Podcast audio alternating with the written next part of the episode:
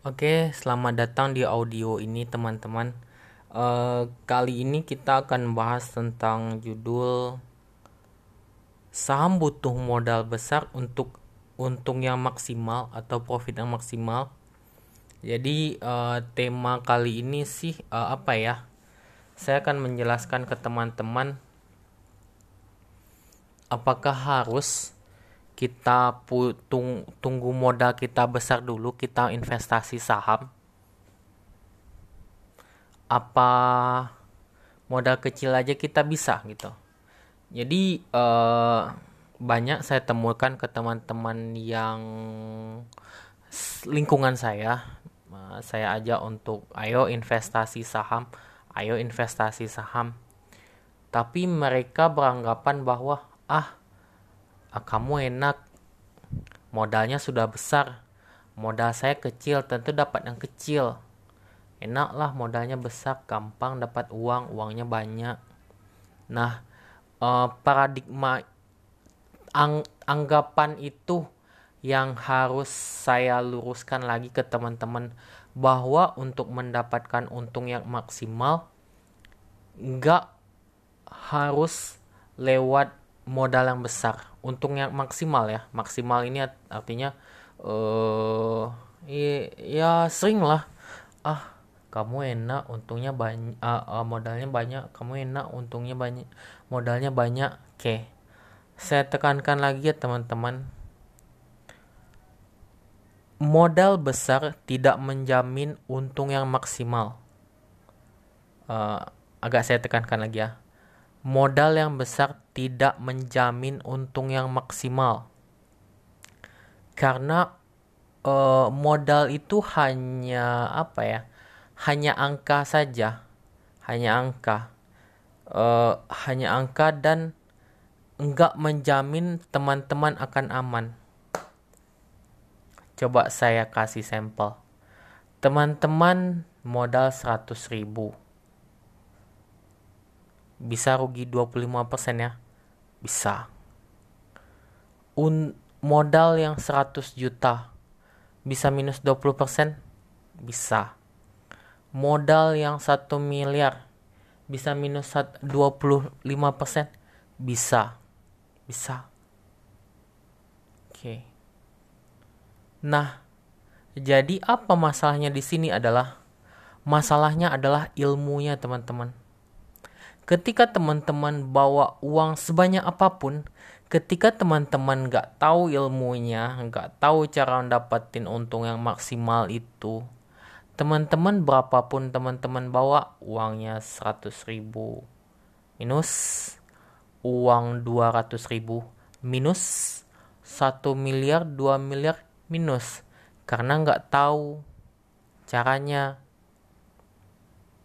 Gitu teman-teman Nah, jadi saya akan jelaskan di sini. Saya bukan apa ya, bukan bukan uh, bikin judul yang biar teman-teman apa namanya, biar teman-teman oh karena banyak juga sih yang di YouTube oh untung yang maksimal investasi yang terbesar saya ujung-ujungnya kayak kasih motivasi gitu enggak saya nggak mau ngasih motivasi saya ngasihkan di sini cara cara yang detail yang masuk akal.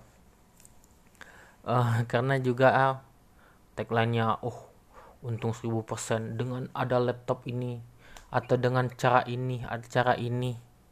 Uh, saya enggak saya enggak karena saya memang ada caranya. Jadi memang gini teman-teman. Jadi uh, untung yang maksimal itu uh, yang penting kita tahu caranya dulu. Modal bisa kita kumpulkan. Karena uang karena saya juga ada pengalaman ya. Uang saya udah bekerja satu tahun saya punya modal lumayan banyak kemudian saya beranggapan dengan modal besar uh, saya bisa dapatkan untung. Ternyata enggak teman-teman. Enggak kalau enggak ada ilmunya uh, kalau enggak ada ilmunya enggak tahu. Pas waktu itu apa ya saya alasan gini saya alasan uh, biar uangnya nggak hilang di inflasi karena tahu kan inflasi lumayan menakutkan. Tapi kita nggak tahu caranya. Kalau beli emas kayaknya cukup berbahaya disimpan. Kalau beli tanah uangnya terlalu sedikit untuk beli tanah uh, beli tanah gini. Jadi uh, caranya adalah teman-teman kita tahu metodenya kita tahu caranya bagaimana cara untung yang maksimal meskipun modal kita sedikit. Ketika teman-teman uh, dengan uang 100 ribu dengan uang 1 juta dapat metode untung yang konsisten itu bahwa kita pasti masuk. Masuk kita kumpulin. Kita kumpulin aja uang dikit-dikit. Nggak usah nggak usah uang banyak kita jual ini jual. Itu enggak. Ingat teman-teman kita harus membangun uh, uang yang pasif. Kita nggak perlu aktif untuk apa namanya untuk lumayan banyak intronya. Ah, sorry sorry. Yang jelas saya kasih pendapat dulu uh, kasih pendapat dulu. Kita gimana caranya dapat ilmunya dapat sistemnya kemudian barulah sedikit-sedikit kita ngumpulin uang. Nah nanti kan untungnya nanti kita bisa putar lagi. Ingat saham bisa compounding interest artinya modalnya kita bisa uh, ulang bisa jadiin besar dengan untung yang kita dapat sebelumnya. Nah, caranya gini teman. Jadi jadi untung yang maksimal itu adalah mengeluarkan potensi modal yang kita dapatkan. Untung Nah, jadi kita maksimalkan uang satu juta itu gimana caranya dapetin untung yang maksimal. Untung yang masuk akal gitu. Caranya itu meskipun kita untung tapi kita juga nggak melupakan resikonya itu teman-teman.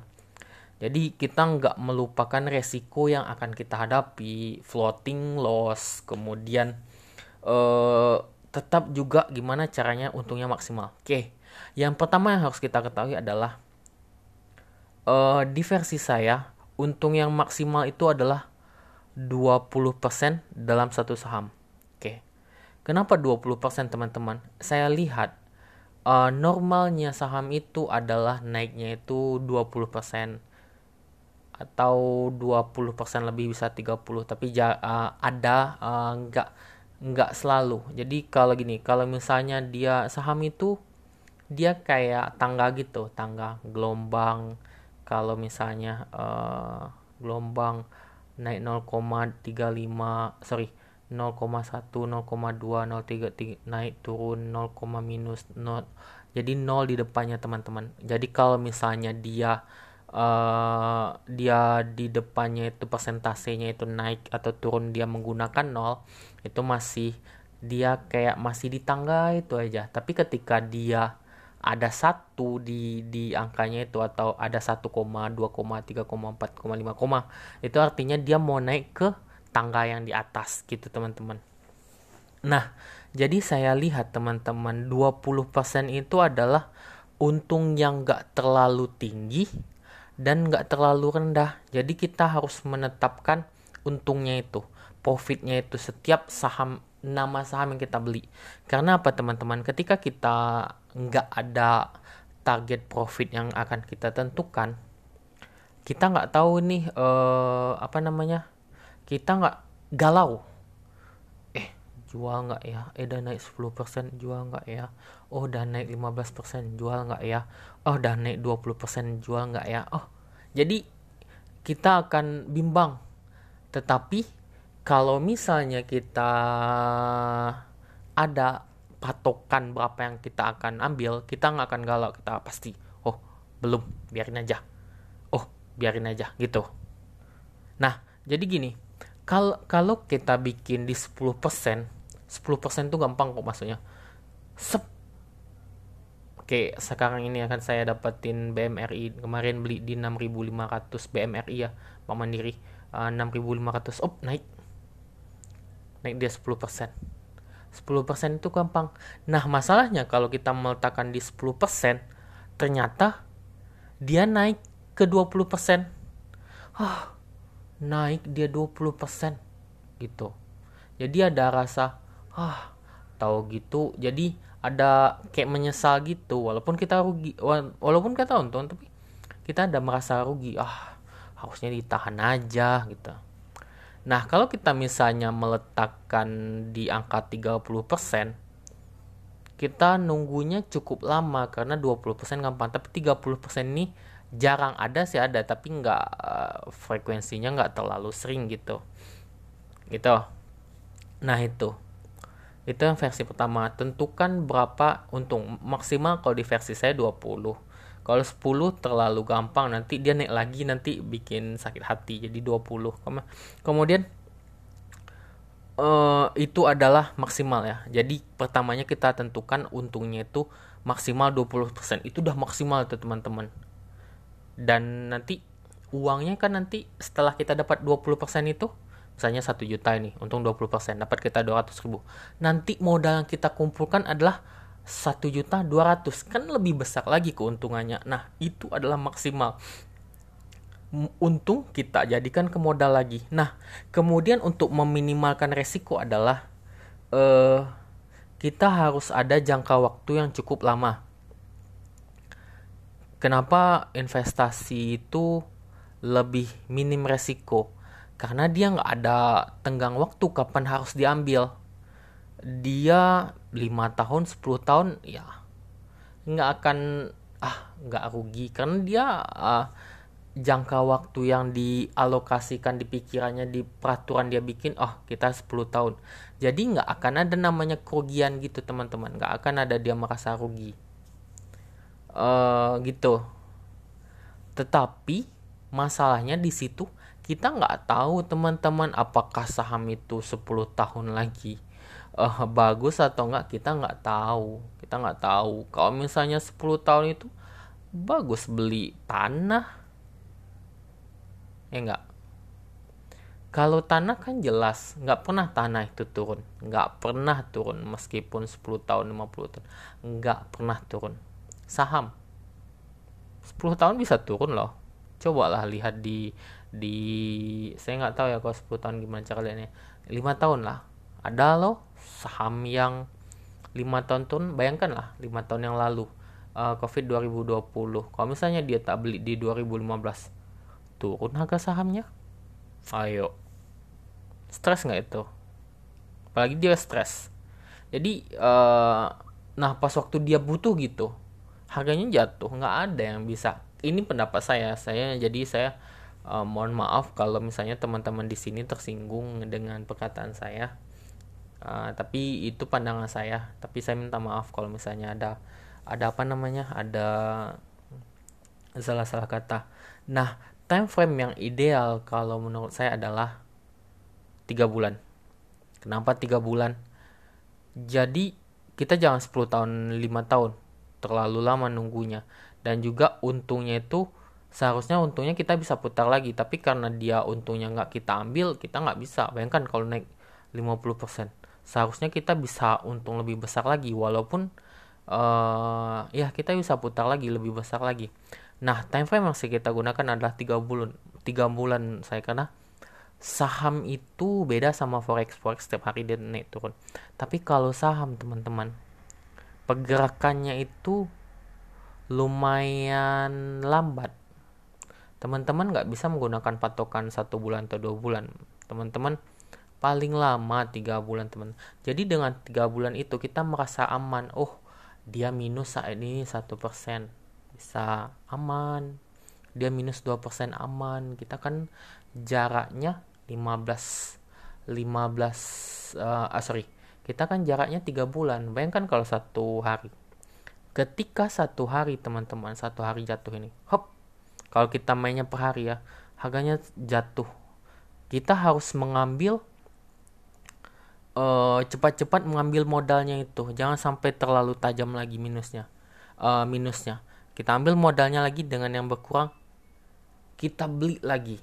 Jadi uh, time frame-nya itu resikonya lebih tinggi karena kita beranggapan ini jadi uh, investasi saham itu yang mengatur adalah pikiran kita. Kita yang bikin aturan. Ketika teman-teman gak ngikuti aturan yang teman-teman telah bikin, susah. Jadi buat aturan di kepala bagaimana investasi saham. Harus konsisten, harus percaya satu satu apa namanya satu metode. Jangan metode ini, kemudian metode ini, metode ini. Jangan dirubah seperti itu. Jadi harus di harus digunakan time frame-nya.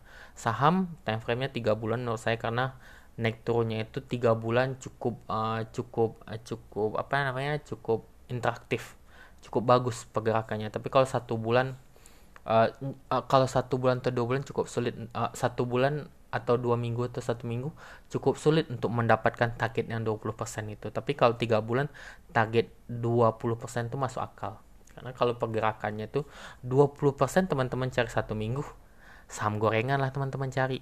Tapi kalau dengannya kita uh, 20% dengan tiga bulan kita bisa masuk ke saham-saham yang lebih berkualitas. Oke lanjut.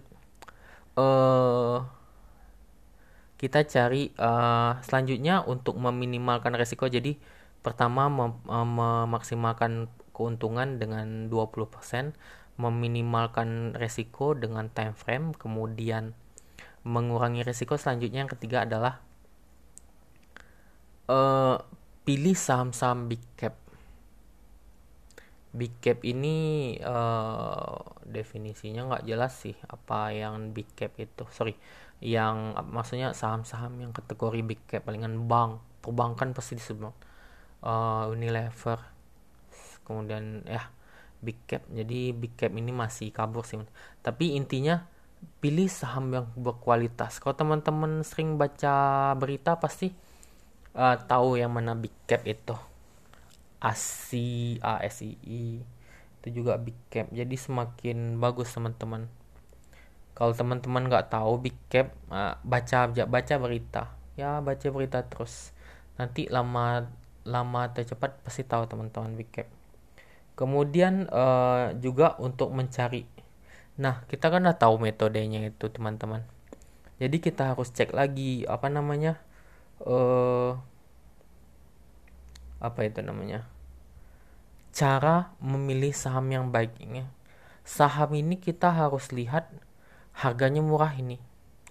Dengan menunggu tiga bulan, kita berharap waktu yang kita tunggu selama tiga bulan itu akan digantikan oleh untung 20% itu. Nah, caranya adalah kita cari sahamnya teman-teman yang bagus. Pilihlah saham-saham yang berkualitas. Kalau teman-teman nggak tahu, sering baca berita pasti tahu itu saham-saham yang berkualitas. Jangan saham-saham yang nggak dikenal. Kemudian setelah kita tahu kita belilah satu lot dua lot nah ini teman-teman inilah solusinya. Yang terakhir ini masih ada terakhir atau terakhir atau masih ada lagi? Masih ada lagi coba ya ah jadi uh, tadi maksimal udah mengurangi resiko udah modal yang kecil. Uh, kalau misalnya waskita karya harganya 500 rupiah mungkin saya bisa sebutin 50 ribu ya. Tapi karena saat ini saham yang berkualitas itu ada di BM ah sorry bukan BMRI uh, Sampurna harganya 1400 jadi palingan 150 nah saham yang berkualitas itu teman-teman saham-saham seperti uh, apa namanya ki uh, Sampurna. Jadi untung yang modal yang kecil itu teman-teman kita belilah seminggu sekali teman-teman. Saya nggak tahu saya kayaknya dugaan saya mendengar uh, mendengar akan audio ini adalah orang-orang yang yang apa namanya yang kualitas hidupnya lumayan baik normal. Bukan bukan apa namanya bukan yang tinggi tapi normal. Nah caranya itu teman-teman uh, uang yang 150 itu belilah sekali seminggu teman-teman Sampurna beli minggu ini hari Senin 150 satu lot. Minggu depan beli lagi 150 beli lagi uh, satu lot. Hari minggu ini satu lot minggu depan satu lot lagi. Tiga minggu lagi satu lot lagi. Satu lot lagi sampai dia uh, naik naik kira-kira 5% kalau turun kita tetap beli. Nah naik gitu. Jadi usahakan ketika dia nggak naik di apa namanya di nggak naik dia di 55 persen. Beli aja terus beli aja terus. ketika 5% tahan gitu. Nanti beli lagi yang lain. Nah biarin aja dulu ketika dia kalau satu minggu dia naik biarin kita beli yang lain gitu. Nah itu teman-teman. Jadi pas waktu itu uh, kita tunggulah untungnya itu. Dia kan ingat teman-teman saham itu bertahap. Ketika dia 5% tahan nanti dia uh, bergerak itu 0,1 0,2 0, 0,0 tuh. Jadi 0, itu artinya dia jalannya pas waktu satu lantai. Naik dia di 1, 1, 2, 3, nah itu naik lagi. Nah jadi uh, naik lantai itu kita biarin aja. Setelah artinya kita ketika dia di lantai dan harganya murah kita akumulasi kita kumpulkan sahamnya. Kita kumpulkan sahamnya. Ketika sahamnya sedikit bergerak kita kumpulkan. Nah udah dapat kita angkanya itu walaupun dia minus juga kita kumpulin lagi. Nah dia akan naik itu cik di 5% tanggal yang pertama itu hop biarin aja. Sampai dia naik gitu. Nah dengan itu tiga bulan kita jual. Untung misalnya satu juta ya itu tuh satu juta dapatlah 200 untungnya kalau misalnya ambil 20% nah satu juta 200 itu kita belikan saham lagi. Kalau misalnya satu juta kita dapat uh, 5 lot uh, 10 lot dengan ada 200 ribu jadi 12 slot kan? Nah 12 slot lagi lebih lebih nendang lagi. Jadi di saham itu masalahnya bukan bukan bukan apa namanya bukan modal masalahnya pengetahuan. Ketika teman-teman pengetahuan berapapun uangnya teman-teman profit. Tapi teman-teman gak ada pengetahuan gak ada cara gak ada metode berapapun uangnya pasti loss. Saya jamin itu sama aja jadi pertamanya itu kita harus dapatkan pengetahuannya dulu metodenya dulu. Dan jangan teman uh, saya quit metode ini uh, lemah metode saya ini. Metode saya ini menang ketika harganya uh, minus turun. Tapi jarang sih dalam pasar-pasar saham yang selalu naik uh, semua itu jarang. Nah, ketika dia naik semua itu, itu kelemahannya teman-teman. Kita hanya melihat orang naik 20%, orang naik 30%. Kita hanya nunggu portofolio kita yang nggak jalan-jalan gitu. Itu kelemahannya. Tapi itu uh, lebih baik, lebih baik kita untung konsisten tapi agak lama dibandingkan untung tinggi tapi besok-besok nggak untung atau lama untuk kembali masa kejayaan itu kan nggak nyaman kan jadi beli per minggu kemudian apa lagi ya uh udah 22 menit. Mudah-mudahan teman-teman uh, setia ya nunggu sampai habis. Jangan lihat nominal ya jangan lihat nominalnya teman-teman. Tapi uh, belajar cari pengetahuan cara kerjanya si metode ini. Jadi teman-teman harus lihat cara kerja metode itu. Barulah kita menyicil saham itu beda ya kalau menyicil saham di di itu kan 25 uh, per bulan. Kalau saya cicil per minggu uh, cicilan per minggu kemudian dapatkan untungnya. Nah uh, nggak uh, usah sekali banyak uang pop 5 juta. Pop 2 juta. Cicil aja 100 ribu cicil aja 100 ribu. Dan dengan nanti habis nanti 100 ribu kumpulin lagi. Maksudnya uh, sisihkan sedikit-sedikit sisihkan. Jadi intinya teman-teman saham itu bukan butuh modal banyak. Ketika teman-teman modalnya banyak tapi pengetahuan nggak ada habis. Eh, nggak uh, habis sih tapi rugi. Tapi kalau teman-teman tahu pengetahuannya tahu caranya berapapun modalnya untung dan modal itu selagi teman-teman gak ngambil modal itu akan bisa jadi besar. Hanya butuh waktu aja. Oke teman-teman.